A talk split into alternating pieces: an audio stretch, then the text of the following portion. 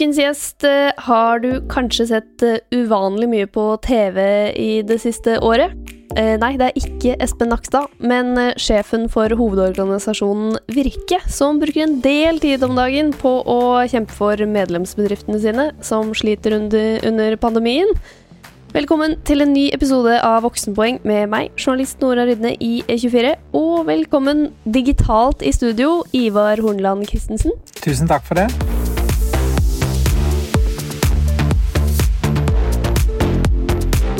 Vi kjører i gang med tre kjappe. Er du klar? Kom igjen. Hva er det beste du har gjort for eh, karrieren din? Jeg vil si at det, det, beste jeg har gjort, det var når jeg ble spurt om jeg kunne være ordførerkandidat i Asker for Arbeiderpartiet. Det er jo altså i den blåeste kommunen i landet, eh, og det eneste jeg var sikker på, var at jeg vil, vil aldri bli ordfører. Men grunnen til at jeg mener det var bra for karrieren, var at jeg lærte så mye gjennom å være engasjert i politikk, forstå kommunal forvaltning og forstå liksom hvordan det politiske og beslutninger tas. Og jeg tror at det jeg fikk med meg der, det har jo vært et av grunnlagene til at jeg antageligvis har den jobben jeg har i dag. Hva er det beste du har investert eh, penger i? Ja, Da måtte jeg liksom tenke litt, men jeg tenkte tilbake til studietida i Bergen. Fordi jeg eh, fikk meg eh, jobb som bussjåfør, da. Og da skal du jo tidlig opp, sant? før bussene har gått, så jeg drev jo og sykla rundt om for å komme til disse oppmøtestedene, så da måtte jeg investere i en gammel Opel Kadett, en blå Opel Kadett. Og Grunnen til at det ble en god investering, var at den ble faktisk eh, stjålet da, to ganger, tro det eller ei. Eh, og hver gang så var den jo litt ødelagt, så den ble såkalt kondemnert. Så jeg fikk jo eh, noen tusenlapper hver gang. Men så jeg, har jeg en far da, som er bilmekaniker, så vi reparerte den bilen hver gang. Og fortsatt var på veien, så jeg tror at det var den beste investeringen både for å komme på jobb, men samtidig så ble det økonomisk òg greit. Det er ikke mange som har uh, sagt det om en bil, at det ble økonomisk greit? Nei, det var jo uh, tøft å ha bil mens du var student, men uh, jeg var jo uheldig at den ble stjålet. Men det ble faktisk positivt til slutt. Da jeg solgte den òg, så hadde jeg tjent penger på den gamle bilen.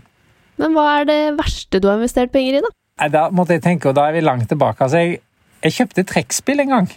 Uh, og hadde en, en, morfar som var veldig musikalsk og sånn, uh, men nå er det sånn at uh, det, var, det, det, var, ikke jeg som fikk de genene, så jeg har altså kjøpt og betalt av egne penger et trekkspill. har ikke spilt på det, men har det fortsatt. Men det er kanskje den dårligste investeringen, for jeg tror ikke jeg blir trekkspillspiller, altså. Du har jo altså vært litt uh, overalt i mange organisasjoner, men da lurer jeg jo på uh, hva ville du bli da du gikk på videregående? Jeg har egentlig alltid hatt en drøm om å bli snekker. Jeg likte å være med uh, i sånne byggeprosjekter, og har vel stått for mange av de sjøl og gjort mye sånt, og syns det fortsatt er veldig gøy. Så eh, jeg tror nok i tidlig oppvekst så var, var, det å bli snekker det var noe jeg liksom eh, så for meg. Men så ble det noe annerledes, da. Eh, for jeg hadde jo engasjement for mange ting.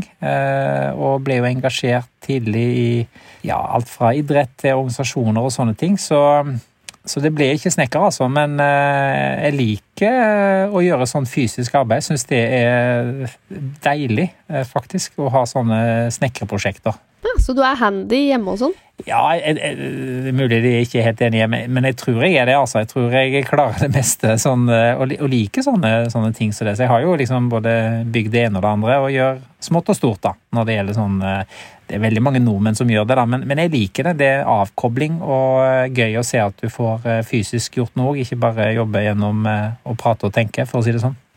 Men, men når, når begynte du å legge fra deg snekkerdrømmen, da? Nei, jeg tror at eh, for meg så var det nok når jeg var ferdig med ungdomsskolen og kom eh, altså Siste del av eh, siste året på ungdomsskolen, så våkna nok liksom dette med samfunnsengasjementet veldig sterkt. Da, da eh, ble jeg jo politisk engasjert, eh, og, og, så, så, da åpna det liksom seg en stor verden, da. Uh, og det var nok der det skjedde, tror jeg. For jeg tror nok i starten på ungdomsskolen så var jeg nok litt innstilt på liksom at jeg skulle bli snekker. Men liksom du ble med i elevrådet, du fikk tillitsverv der, jeg ble engasjert i AUF da tidlig der, var med noen år. Og så eh, var jeg jo aktiv i idrettslag. Så det engasjementet, samfunnsengasjementet kom der. Og så hadde det litt sammenheng med Altså, mor mi, hun hun har jo tatt all sin utdanning i voksen alder. Så vi dro til Lillehammer når jeg begynte i femte klasse. Da gikk hun ett år på, på distriktshøyskole der. Og så flytta vi til Trondheim, og så har hun fortsatt faktisk tre ganger i sitt voksne liv har hun vært heltidsstudent på forskjellige steder i landet.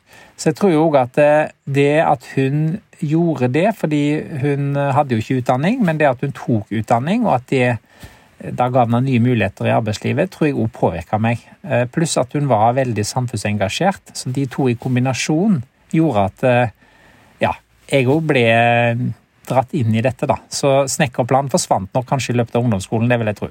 Ja, nettopp. Ja, for du har flytta mye rundt? Ja, det blei sånn. Vi eh, er jo født på Vestlandet, men har jo bodd både i Lillehammer og Trondheim og flere steder på Vestlandet og Østlandet og vært innom Sørlandet en tur òg, så det var jo sånn det blei, fordi eh, når min mor og far ble skilt, så far min var jo i, i Libanon og i, i militæret en, en, stund, og de havna på litt forskjellig sted. Men det var med, med egentlig meg og broren min da, og, og mor mi som eh, av at hun fikk nye jobber, da, så flytta vi en, en, god del rundt. Så det var jo flere runder hvor jeg hadde ett år her og ett år der. Og du lærer jo mye av det òg. Kunne komme til nye miljøer, tilpasse deg, få venner. Så i ettertid så ser jeg jo at kanskje ble jeg tidligere eksponert for den type ting da, enn det du normalt får at du flytter ut når du skal begynne å studere. Så, eh, men det, det, det var lærerikt. Ja, Var det liksom litt del av at du gikk så mye inn i organisasjoner og sånn? At det var den beste måten å få venner på kjapt? Ja, du, du, ble jo eh, Altså, jeg husker jo første gangen eh, så var det jo et stort skritt, sant. Forlate de gode vennene du hadde da, og komme til, til Lillehammer. Men eh, etter hvert så lærte du deg jo det, og det å være engasjert i idrett og organisasjonsliv var jo en måte å komme inn på, på arena da, og få, få venner. Absolutt. Og så ble jeg jo engasjert. Eh, har vel alltid hatt noen tillitsverv mens jeg både gikk på ungdomsskole, videregående skole, og ikke minst da når jeg òg studerte, så var du jo engasjert i ulike ting. Så det har liksom vært en sånn I tillegg til å fikse studiet, så har jeg lært veldig mye fra veldig mange andre arenaer òg, og det har nok vært litt meg. Men eh, var det Altså, at moren din eh, studerte og begynte å jobbe og reiste mye, hva, hva, hva, hva jobba hun som? Nei, hun, eh, hun begynte å jobbe for så vidt i byggebransjen, og så var hun på arkitektkontor, og så har hun jo da tatt utdanninger og jobbet med, med både byfornyelse, og så kom hun jo over i både bank, og da slutta egentlig i kraftbransjen. Men det at hun tok utdanning, gjorde at hun fikk nye jobber da, og bedre jobber. Tok jo, eh, altså Jobben har vært viktig for henne, og det, det har jo det vært for meg òg. En veldig sånn viktig bit av meg, det å få lov å bruke seg og jobbe sammen med andre. Så jeg tror nok at jeg ble inspirert av det. Så kjente jeg jo det at når jeg da fikk eh, tillitsverv og, og, og eh, ja, fikk muligheter da, til å i det elevrådet til å være med og lede og sånn, så syns jeg jo det var spennende, og det var gøy. Og det gjorde at jeg nok da begynte å peke meg inn mot, uh, mot økonomi, da. Uh, og økonomi og ledelse, for det var jo det det ble til slutt når jeg ble da siviløkonom. Ja, for det var ikke, Så det var ikke moren din som sa uh, du kan bare drite i å bli snekker, du skal ta utdannelse så du slipper å gjøre det som voksen? Nei, det var det ikke. Det hun var opptatt av, og det var for så vidt både mamma og pappa var veldig opptatt av at man eh, måtte ta ansvar for seg sjøl, og man måtte, måtte, bli noe. Men eh, min far var jo eh, bilmekaniker, men ble lærer, da, og tok ped og ble lærer. Så, sånn sett så var det ikke noe press på at jeg ikke skulle gå den veien. Langt ifra. Men, men, de var opptatt av at du måtte ta ansvar for egen situasjon og skaffe deg en utdanning eller et fagbrev eller hva det måtte være for å kunne klare deg sjøl, da.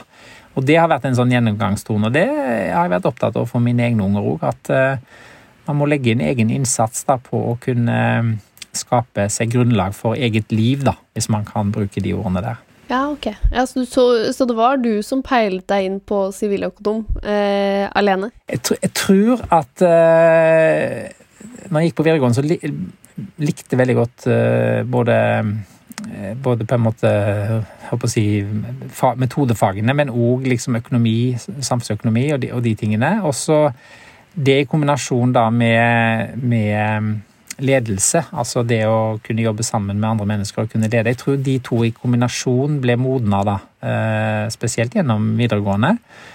Og da syns jeg liksom eh, siviløkonom var noe jeg hadde lyst til. Og så er det jo sånn at halvparten av de som har den utdanningen, havner da enten i faglige ting. sant? Det skjønte jeg jo fort at det var ikke meg, så jeg havna jo da mer på ledersiden og mer på den generelle siden. Eh, jeg ble liksom ikke noe skal vi si, regnskaps- eller skatteekspert. Det var ikke det som ble meg, det ble mer den eh, andre, andre boksen, for å si det på den måten. Ja, nettopp. Og det, var det på Handelshøyskolen, eller? Jeg har, gått, eh, jeg har egentlig gått både Jeg har både en ingeniørhøyskole og gått i Bergen, og så har jeg òg vært innom eh, faktisk i Kristiansand. Så, jeg, så, veien ble til for meg mens jeg, mens jeg, gikk. Og det siste jeg har gjort, det er jo at jeg tok faktisk en sånn MBA her nå, da via Handelshøyskolen nå for bare et par år siden òg. Så jeg har gjort et, en etterutdanning òg. Ja, så det, det fikk du med deg hjemmefra? Det går an å studere som voksen? Ja, det var helt uproblematisk for meg å tenke at det, det hadde jeg sett at min mor hadde gjort i tre runder, faktisk. Mm. Men studietiden din første gangen, da. Hvordan var den? For nå ser jo jeg for meg med en gang uh, at du var en sånn som var i alle organisasjoner du fant. Har jeg rett da? Ja, jeg var, jeg var jo engasjert. Jeg var det, så jeg eh, Eh, mor min lurte noen ganger på ja, men nå må du jo passe på å få med deg alle disse eksamene og sånn, da. sant? Nå, nå, må du ikke drive med alt mulig. Men jeg drev med en god del forskjellige ting. Alt fra da friluftsliv til studentpolitikk. Eh, men jeg var med, vi hadde aksjespareklubb, så jeg var med litt på Og så gjorde jeg jo sånne Det skjedde jo noe 9.11.1989, når denne Berlinmuren falt, og da bestemte jeg meg når det skjedde, sammen med en som, eh, som jeg da var litt interessert i. Vi dro altså på rett ned og var der en uke bare for å få med oss det, for det var historisk. Og kom hjem og skulle da ha eksamen i finans. Eh, så det å liksom tørre å gjøre det, og så få med seg det Jeg angrer jo ikke et sekund på det. Og så kom jeg hjem, men hadde jo selvfølgelig dårlig samvittighet, var redd for at jeg var dårlig forberedt. Men det gikk veldig bra på den eksamen, altså. Men det er nok litt, litt meg at mitt engasjement var bredere enn fag, og jeg tror at jeg fikk med meg mye mer enn bare fagene, men jeg kunne helt sikkert ha gjort det enda litt skarpere hvis du tenker karaktermessig en del av fagene, da, hvis jeg hadde brukt alle kreftene der, men jeg er ikke sikker på om jeg hadde fått med meg så mye læring som jeg klarte. Så i ettertid så tror jeg at det, det var min måte å gjøre det på. Jeg var ikke den som var lengst på lesesalen, for å si det sånn, og bare på lesesalen. Jeg drev med veldig mye forskjellig, men det gjorde òg at jeg fikk med meg òg eh, fagene, selvfølgelig, men òg eh, alt det andre. Og da henger jeg meg selvfølgelig opp i eh, hva skjedde med hun du dro ned med som du var interessert i? Jo, vi ble sammen. Det er helt riktig. Så hun Eh, vi satt og så dette skjedde, og så sier jeg at der skulle vi vært. Og så sier hun at ja, det skulle vi. Eh, ja, ble du med? Ja, hun ble med. Og så bestilte vi flybillett. Kom oss til Hamburg, kom oss med tog inn til Berlin. Hadde ikke noe sted å bo, men klarte å finne et sted å bo. Og da måtte vi eh, bo på samme rom, selvfølgelig. Vi måtte til og med ligge i samme seng. Så, så det, den uka utvikla seg jo til at vi Og vi ble kjærester, da, så vi var jo sammen i noen årvis. Og det var en lykkelig, lykkelig historie. Selv om ikke det var oss det ble til slutt slutt, men eh, det var eh, utrolig begivenhetsrikt å være der og oppleve endringen, men samtidig var det en kjærlighetshistorie oppi det hele. Og det er første gang i Voksenpoeng at vi har fått et sjekketips. Dra til Berlin. Oi, ops, vi må visst dele rom! Det er, veldig smart. veldig smart. Ja da, Hun skal ha ros, hun som var med òg, altså, for hun var tøff som var med på det. Så det skal hun ha. Men, eh, men det, en, det, er en veldig fin og god historie. Så mens du holdt på med det her, både spontanreising og eh, eksamen i finans, skjønte du da litt mer av hva du faktisk hadde lyst til å jobbe med, eller var det litt sånn at du bare ramla inn i noe? Nei, jeg tror at eh, jeg er nok, jeg er nok litt den eh, generasjonen som Jeg merker det veldig godt når vi ansetter når jeg ansetter mennesker i dag. For når jeg møter unge mennesker i dag, så blir jeg bare så imponert over hva de har fått gjort, hvor strukturerte de er, og hvor flinke de er. Og så tenker jeg tilbake at jeg tror ikke jeg var helt der. For jeg, jeg er nok den generasjonen som tenker at jeg, jeg, må få meg en jobb, og så får jeg begynne et sted. Så, så når, når, jeg fikk da første jobben, så, så, begynte jeg på det stedet. Og så har jeg jo sagt ja til de mulighetene som har dukket opp, og tatt på meg det ansvaret jeg har fått, og hatt fantastiske arbeidsplasser og sjefer som har tørt å satse og sånn på meg, og det har jo løfta meg videre. Men eh, jeg skjønte jo at jeg, at jeg likte å være med på der det skjedde, da, for å si det sånn. Altså, jeg likte å være med på prosjekter, på ting som, som, det var gøy å få lov å være å få realisert, da, og kanskje ikke at jeg var den personen som var dypest på det faglige, helt ned i den indre faglige skjønnhet. Eh, men jeg elsker jo å jobbe sammen med utrolig flinke folk, for du, du, lærer så mye av de som virkelig kan og dybden. Så det skjønte jeg, og da, da forsto jeg at det, det, var mange jobber jeg kunne bruke den utdanningen til. Så jeg er jo den andelen av eh, siviløkonomer som da har en del fag i bånn, men som har gått eh, hva skal man si, ledelsesveien, da. Det var nok der jeg var. Jeg, jeg, altså Den indre skjønnheten i skatteretten, det er ikke feil, men det var ikke meg, for å si det sånn. Det, det, kan jeg forstå. Men hva ble den første voksenjobben, da, om vi skal kalle det det? Nei, da, da, begynte jeg faktisk i den gangen i det som var Det heter jo, heter jo Ekona nå, men det, er, det sivile, var Siviløkonomforeningen på det tidspunktet. Så jeg begynte der faglig, da, med å lage faglige kurs og holde faglige kurs. Innenfor skatt og regnskap og, og de tradisjonelle fagene, da. Så det var det første jeg begynte med. Så det var Ekona du begynte i, ja? Begynte der. Jeg har tre bein. Jeg har på en måte vært i organisasjonslivet, som jeg har vært nå i de siste jobbene. Og så har jeg jobba med, med, privat næringsliv, hvis man kan si det. da, IT-bransjen med IT-boblen og hele den uh, saken der. Og så har jeg jo hatt dette engasjementet i politikk da, som aldri har vært en jobb, altså en fulltidsjobb, men som har vært et, uh, et verv da, som jeg har gjort i tillegg til jobb. Så det er de tre beina du kan si at jeg har, da. Så det, eh, det liksom jobben, eller karrieren innenfor organisasjonslivet, den startet på en måte allerede i Ekona, da?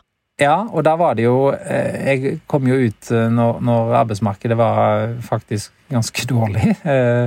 Så jeg hadde jo vært litt engasjert i faglige ting rundt Ekona, da. Så jeg kjente jo noen der, og så skulle de ha noen som kunne lage kurs og holde kurs og kjøre det. Og så fikk jeg jo en fot innafor der, da, og det ble liksom den første jobben.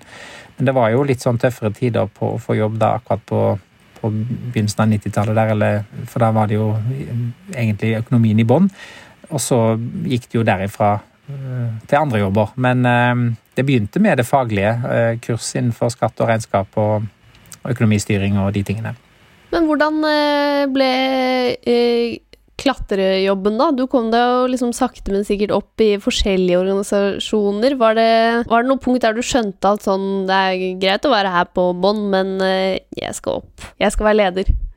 Nei, jeg, jeg, eh, jeg har jo faktisk vært leder da siden 96. Eh, Så det begynte jo med at du fikk noen prosjekter.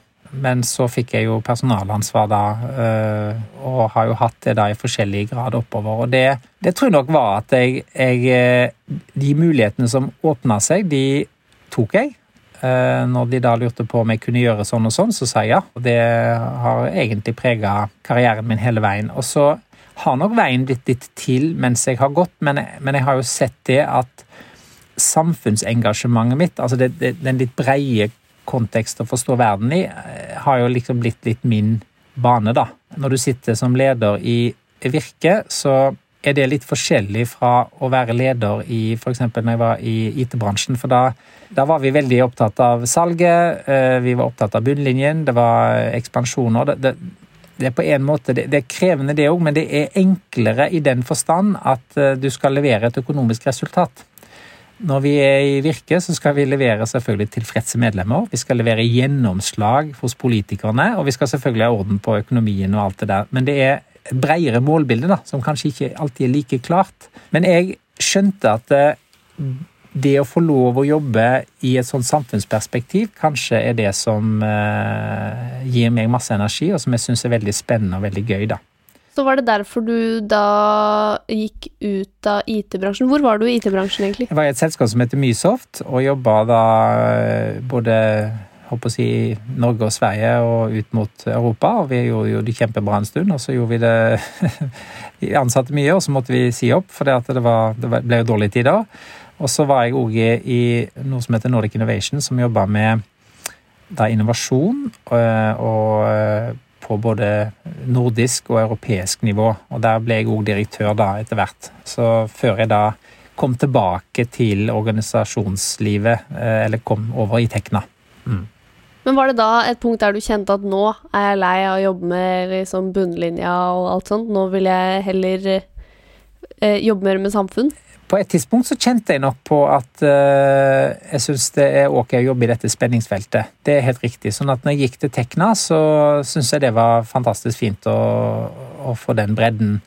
Men det som uh, jeg gjorde når jeg da var i, i Nordic Innovation, var jo at jeg syns jo dette med innovasjon og nyskapning og det å jobbe for på en måte ja, få, få til verdis det, det, er jo det flokselen av verdiskapen, men, men, sørge for at vi tar i bruk de mulighetene som er der, gjennom at vi, vi benytter de. Det har alltid trigga meg, og det så jo mye når jeg jobba i IT-bransjen. Så innovasjon har jo vært sterk hos meg hele veien. Og det jobber jo med masse i Tekna. Det jobber for så vidt noe med i Virke òg, at vi skal være innovative og, og, gjøre ting på nye måter og sørge for at de mulighetene blir gjort om til bedrifter og arbeidsplasser. Så eh, sånn sett så gjorde nok IT-tiden Eh, meg bevisst på at det, det, var et felt jeg var interessert i. Så jeg tok jo litt sånn kurs og, og andre ting rundt, eh, rundt, innovasjon og innovasjonsledelse. og Har hatt sterkt engasjement for viktigheten av det, da. Men så kom jeg over da i Tekna, og da ble det jo litt samfunnsperspektiv igjen. Og det, det trives jeg med, og det får jeg jo fulle muligheter til her i Virke òg. Hvordan landa du den eh, jobben, da? Eh, var det sånn nettverksjobbing? At du tenkte ja, jeg må kontakte organisasjonsvennene mine for å komme meg tilbake på det sporet? Eller eh? Nei, altså de, der, der, må jeg si at både jobben i Tekna og jobben i Virke søkte jeg på. Så uh, i Tekna-sammenheng så hadde jeg jo liksom denne Jeg har jo disse årene på ingeniørhøgskolen, så jeg har jo likt liksom det, de, de, miljøene. Men der søkte jeg, og var med i runder og finaler og, og, fikk jobben, og var veldig glad for det. Og det samme var det faktisk i, i, uh, i Virke. Uh, og da må man jo by på det beste av seg og fortelle hvordan man kan være den rette, da. Men for meg har det vært helt tydelig konkurranse med alle de andre gode kandidatene, og så har jeg da vært heldig, og det er jeg jo glad for.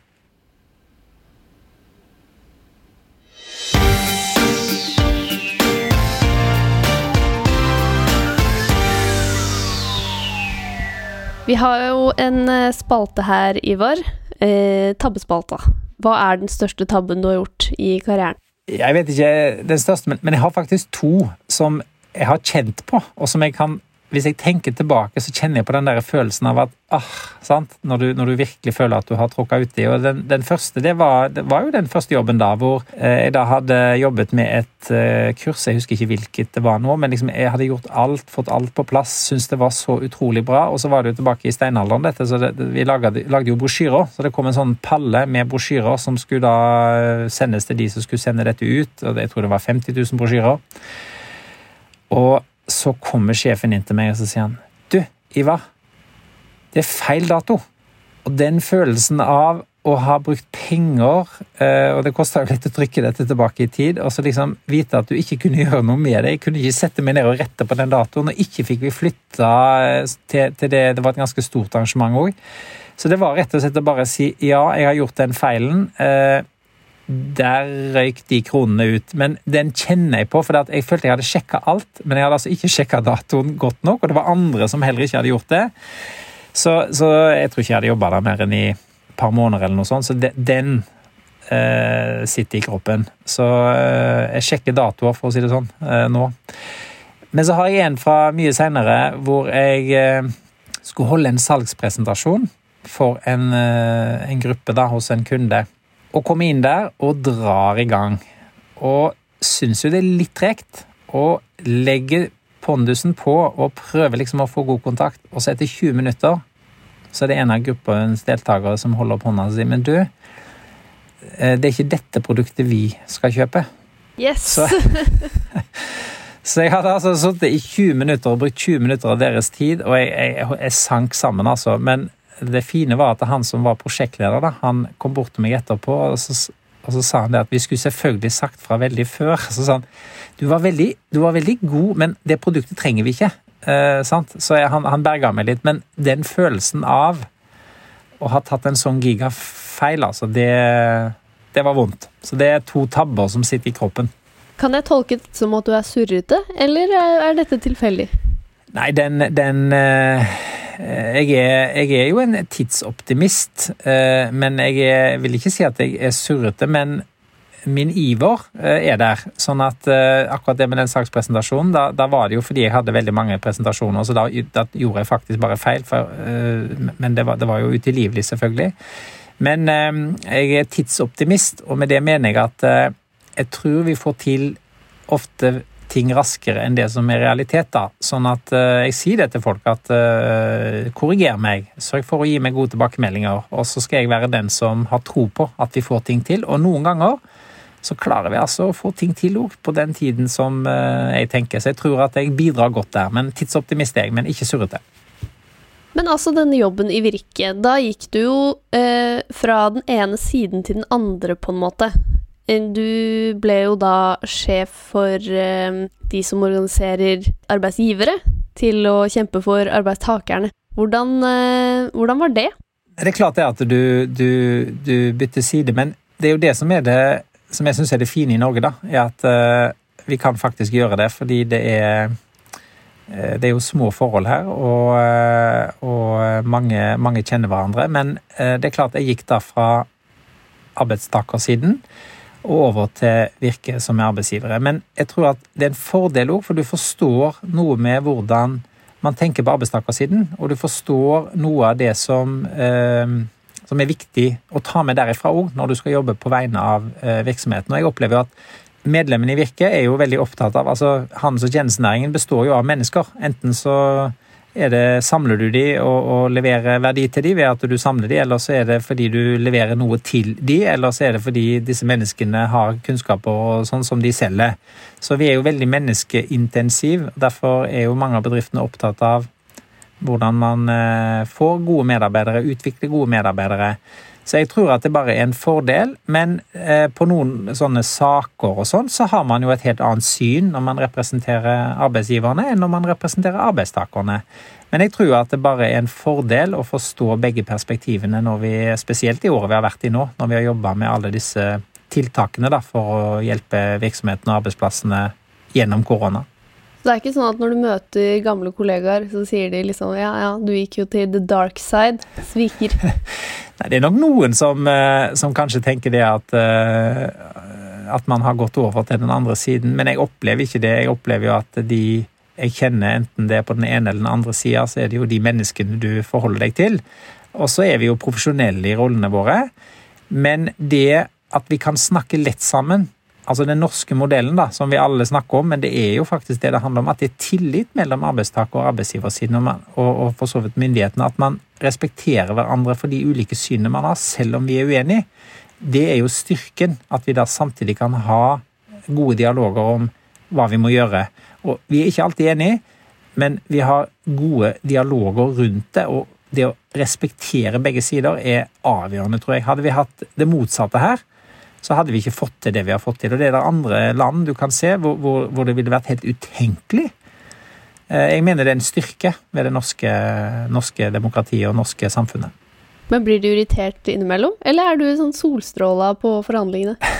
Nei, jeg er vel, jeg er vel som jeg er vel som folk flest, for å si det sånn. Jeg kan òg bli irritert, men, men eh, jeg tror ikke det er så ofte jeg er irritert, altså. Det er det ikke. Men det er klart, når du er i forhandlinger og sånt, så det, det, er jo en egen dynamikk i det, men, men, det er klart det er noen ganger du tenker at ja, men himmel og hav, sant. Eh, men det tenker sikkert de om oss på arbeidsgiversiden òg. Eh, men det er jo viktig at vi da har eh, fremfører argumentene, altså, og, og forsøker å forstå hverandres perspektiver. Og så er det jo faktisk de fleste gangene så blir vi jo enige. Og så er det noen ganger det blir streik. Men jeg opplever jo at dialogen mellom forhandlingene òg er kjempeviktig. At det er tillit mellom eh, arbeidstaker- og arbeidsgiversiden alle de andre dagene i året. Det, det, er like viktig, den kontakten. Kanskje viktigere, faktisk, eh, i forhold til når vi da sitter med de reelle lønnsforhandlingene. Hvordan har det vært eh, nå, da? Du har vel kanskje tatt med deg litt av det inn i dette trepartssamarbeidet? Altså det er jo dere, NHO, LO og regjeringen. Har, det, har du fått med deg det virker som dere har det fryktelig trivelig, men er det bare som spill for galleriet? Er det eh, mye krangling på bakrommet? Nei, jeg opplever at eh, det at det er tillit, gjør at det er god dialog, og med god dialog så mener jeg at vi kan fortelle eh, hvorfor, eh, hvorfor, vi mener det vi mener. Det betyr at vi kan være uenige, men det er helt riktig, det er god dialog, og jeg vil si en overraskende åpen dialog. Men så, eh, nå under korona så har det jo vært eh, Det har jo i hvert fall vi som journalister merket at eh, hver gang det kommer en avtale, så går Virke ut og sier Og NHO og alle de andre, da. Vi er eh, kjempefornøyd med dette. Og så tar det tre sekunder, og så sier dere men det er altfor lite. Og jeg, jeg, kan ikke annet enn å regne med at dere får en del, eller du kanskje, da, også får en del liksom kjeft. Er det noe du har liksom måttet lære deg å stå i? At det er sånn Ja, ja, det, det må du tråle. Jo, man må jo stå i det når man har denne jobben her, eh, men jeg er jo her for å være da eh, stemmen og representere handels- og tjenestenæringen og våre medlemmer. Eh, og så prøver vi, og det gjør vi innimellom òg, å si de tingene vi er fornøyd med. Altså selv om, om det alltid er ting som vi gjerne skulle sett annerledes, men, men jeg syns jo at mye av det som vi har fått til gjennom korona her nå, har jo òg gitt gode resultater. Men det er klart du får innimellom eh, tilbakemeldinger, enten det er medlemmer eller andre, som sier at eh, Men hallo, hallo. Eh, mener dere virkelig det? Og, og, og sånn. Så, så, det må man bare ta. Men for meg er det jo viktig å fremføre de tingene som er viktig for at medlemmene skal kunne drive sin virksomhet best mulig, og dermed òg sørge for at vi har de arbeidsplassene og skaper de arbeidsplassene vi trenger. Og da må jeg noen ganger stå i disse jeg vil ikke si stormene, men stå i, stå i, det. Og det gjør jeg med stor trygghet når jeg vet at vi er godt forankra på, på, medlemssiden. Det er ikke sånn at du går hjem og eh, ikke får sove fordi du tenker at åh, nå er de sinte på meg, og de er sinte på meg, og eh, Altså, det, i sånne organisasjoner så blir jo liksom sjefsjobben veldig sånn utsatt for kritikk, da. I, kanskje i motsetning til mange andre store bedrifter. Ja, det, det, er sant. Og fordi vi må være såpass mye på, eh, for det er jo en del av jobben vår, det er jo faktisk å, å være tydelig på det som vi mener må gjøres. Eh, men nei, jeg sover godt om natta, for all del. Det gjør jeg. Og jeg klarer liksom å skille på en måte det livet jeg har med mine aller nærmeste, og, og den jobben jeg har. Men det som jeg har kjent på gjennom denne pandemien, det er jo alle de store tingene som har skjedd. Altså, det er klart det gjorde stort inntrykk på meg når jeg snakket med medlemsbedriftene for et år siden, når, når liksom permitteringstallene bare rulla på. Når jeg hørte hvor, altså hva de måtte gjøre. Men de var òg bekymra for alle disse ansatte som da ikke hadde jobb eller måtte permitteres. Så det jeg har kjent mange ganger på, er jo det, det, det er jo helt ekstraordinært det vi har vært gjennom. Og det ansvaret har jeg kjent på. Eh, hvis jeg deler en ting der, altså Min mor hun er nå vaksinert. altså Hun har fått sin andre sprøyte, og hun eh, er jo veldig veldig fornøyd med det. Men de hun er bekymra for, er jo ungdommen. Altså disse studentene, disse som skulle ut i jobb, den ungdomsledigheten vi har nå. Og det kjenner jeg jo noen ganger på, at vi må altså komme i gang igjen og få, få folk i jobb igjen. Og få uh, positiv utvikling på det. Og det, da føler jeg jo at, jeg, at vi òg i Virke har et ansvar for å peke på det. Men du, du jobber jo veldig mye. Og jeg har jo inntrykk av at uh, du har jo liksom vært sjef lenge og holdt på, uh, så du har vel jobba mye lenge. Så da skal jeg få gleden av å stille deg et spørsmål uh, som ikke alltid stiller så mye menn, men du er jo mye rundt og snakker om likestilling. Når du snakker så mye om det, er du god på det selv? Og hvordan får du det til? Jeg vil jo si at for meg så er det litt sånn grunnleggende. Jeg har tre døtre. Så det, det, henger jo sammen med at jeg vil at disse tre døtrene mine skal få muligheten til å utnytte talentet sitt, uten at det skal eh, Pga. at de er jenter, ikke skal få mulighet til det. Og så henger det nok sammen med det jeg fortalte om oppveksten min, med min mor som da eh, tok ansvar for to gutter og, og, og, gjorde ting som gjorde at hun skapte et godt liv for oss. da. Eh, og så har jeg andre sterke kvinner òg i familien, som, så jeg har på en måte fått dette veldig tidlig inn og er veldig opptatt av det. Og er opptatt av at uh, vi må utnytte hele befolkningen. Veldig opptatt av at unge jenter skal se at de har mulighet, og så at vi som ledere òg viser at vi gir de mulighet. Uh, og nå er jo jeg kommet i den gruppa, sant? menn over 50, altså de som jeg i hvert fall kritiserte knallhardt sjøl da jeg var yngre, da, og nå er man der sjøl. Uh, men vi har et særskilt ansvar for det, og hvis ikke vi gjør det, så kommer det til å bli dårligere verdiskapning, vi kommer til å bli et dårligere samfunn. Og så når du tenker sånn helt personlig på, på, meg, da, så vil jeg jo, hvis jeg skal gå litt tilbake når jeg, jeg, jeg, ble jo skilt Jeg tror nok jeg skal være ærlig på at i den tida jeg engasjerte meg i mange ting, både i politikk og hadde jobb og sånn, så skal jeg nok være ærlig på at jeg ikke var god nok på å følge opp skoleforestillinger og sånne ting. Og det tror jeg nok at jentene mine da opplevde. Så jeg kan ikke si at jeg er best på det, men jeg strever og forsøker og, og ønsker å eh, være bevisst på det, og er nok blitt klokere. Eh, men i en periode der så tror jeg nok at eh, den karusellen jeg var inne i på jobben, da, tok for mye tid, og jeg skulle vært flinkere til å prioritere. Og det som leder så er jeg veldig opptatt av det. Når folk kommer til meg og sier at nå skal jeg ha barn, så er det en glede. Men da, da sier jeg jo til dem men da skal du bruke den tida, for du får den ikke igjen. Og så hvis du tar av det fra skuldrene på, på enten det er pappaen eller mammaen, så får du òg tryggere arbeidstakere. Fordi at eh, hvis de skal liksom ha det stresset i tillegg til jobben, det er mye bedre at de blir anerkjent for at de er i en sånn situasjon hvor det er litt hektisk en stund. De leverer på jobben likevel. Men hva, Ble du inspirert av noen av dine andre ledere, eller var det noe du på en måte la til din egen eh, ledelsesfilosofi av deg selv? Jeg tror nok at uh, min, min, mamma og min mormor da, er nok de som uh, var med å la det første grunnlaget. Og så hadde jeg en uh, kvinnelig sjef som gjorde inntrykk på meg. Som hadde en, en veldig sånn interessant historie, som, som jeg tror òg var med å påvirke den unge, unge arbeidstakeren, da, Ivar, i, i, sin tid. Og så har jeg uh, jobba sammen med hatt kvinnelige styreledere og jobba sammen med veldig mange dyktige kvinner som er bevisst på dette. Og så er det klart, når jeg fikk tre døtre òg, så, så, er jeg opptatt av at de, de, skal få de samme mulighetene som om jeg hadde hatt tre sønner. altså. Så det, det er vel summen av dette da, som har gjort meg bevisst på det.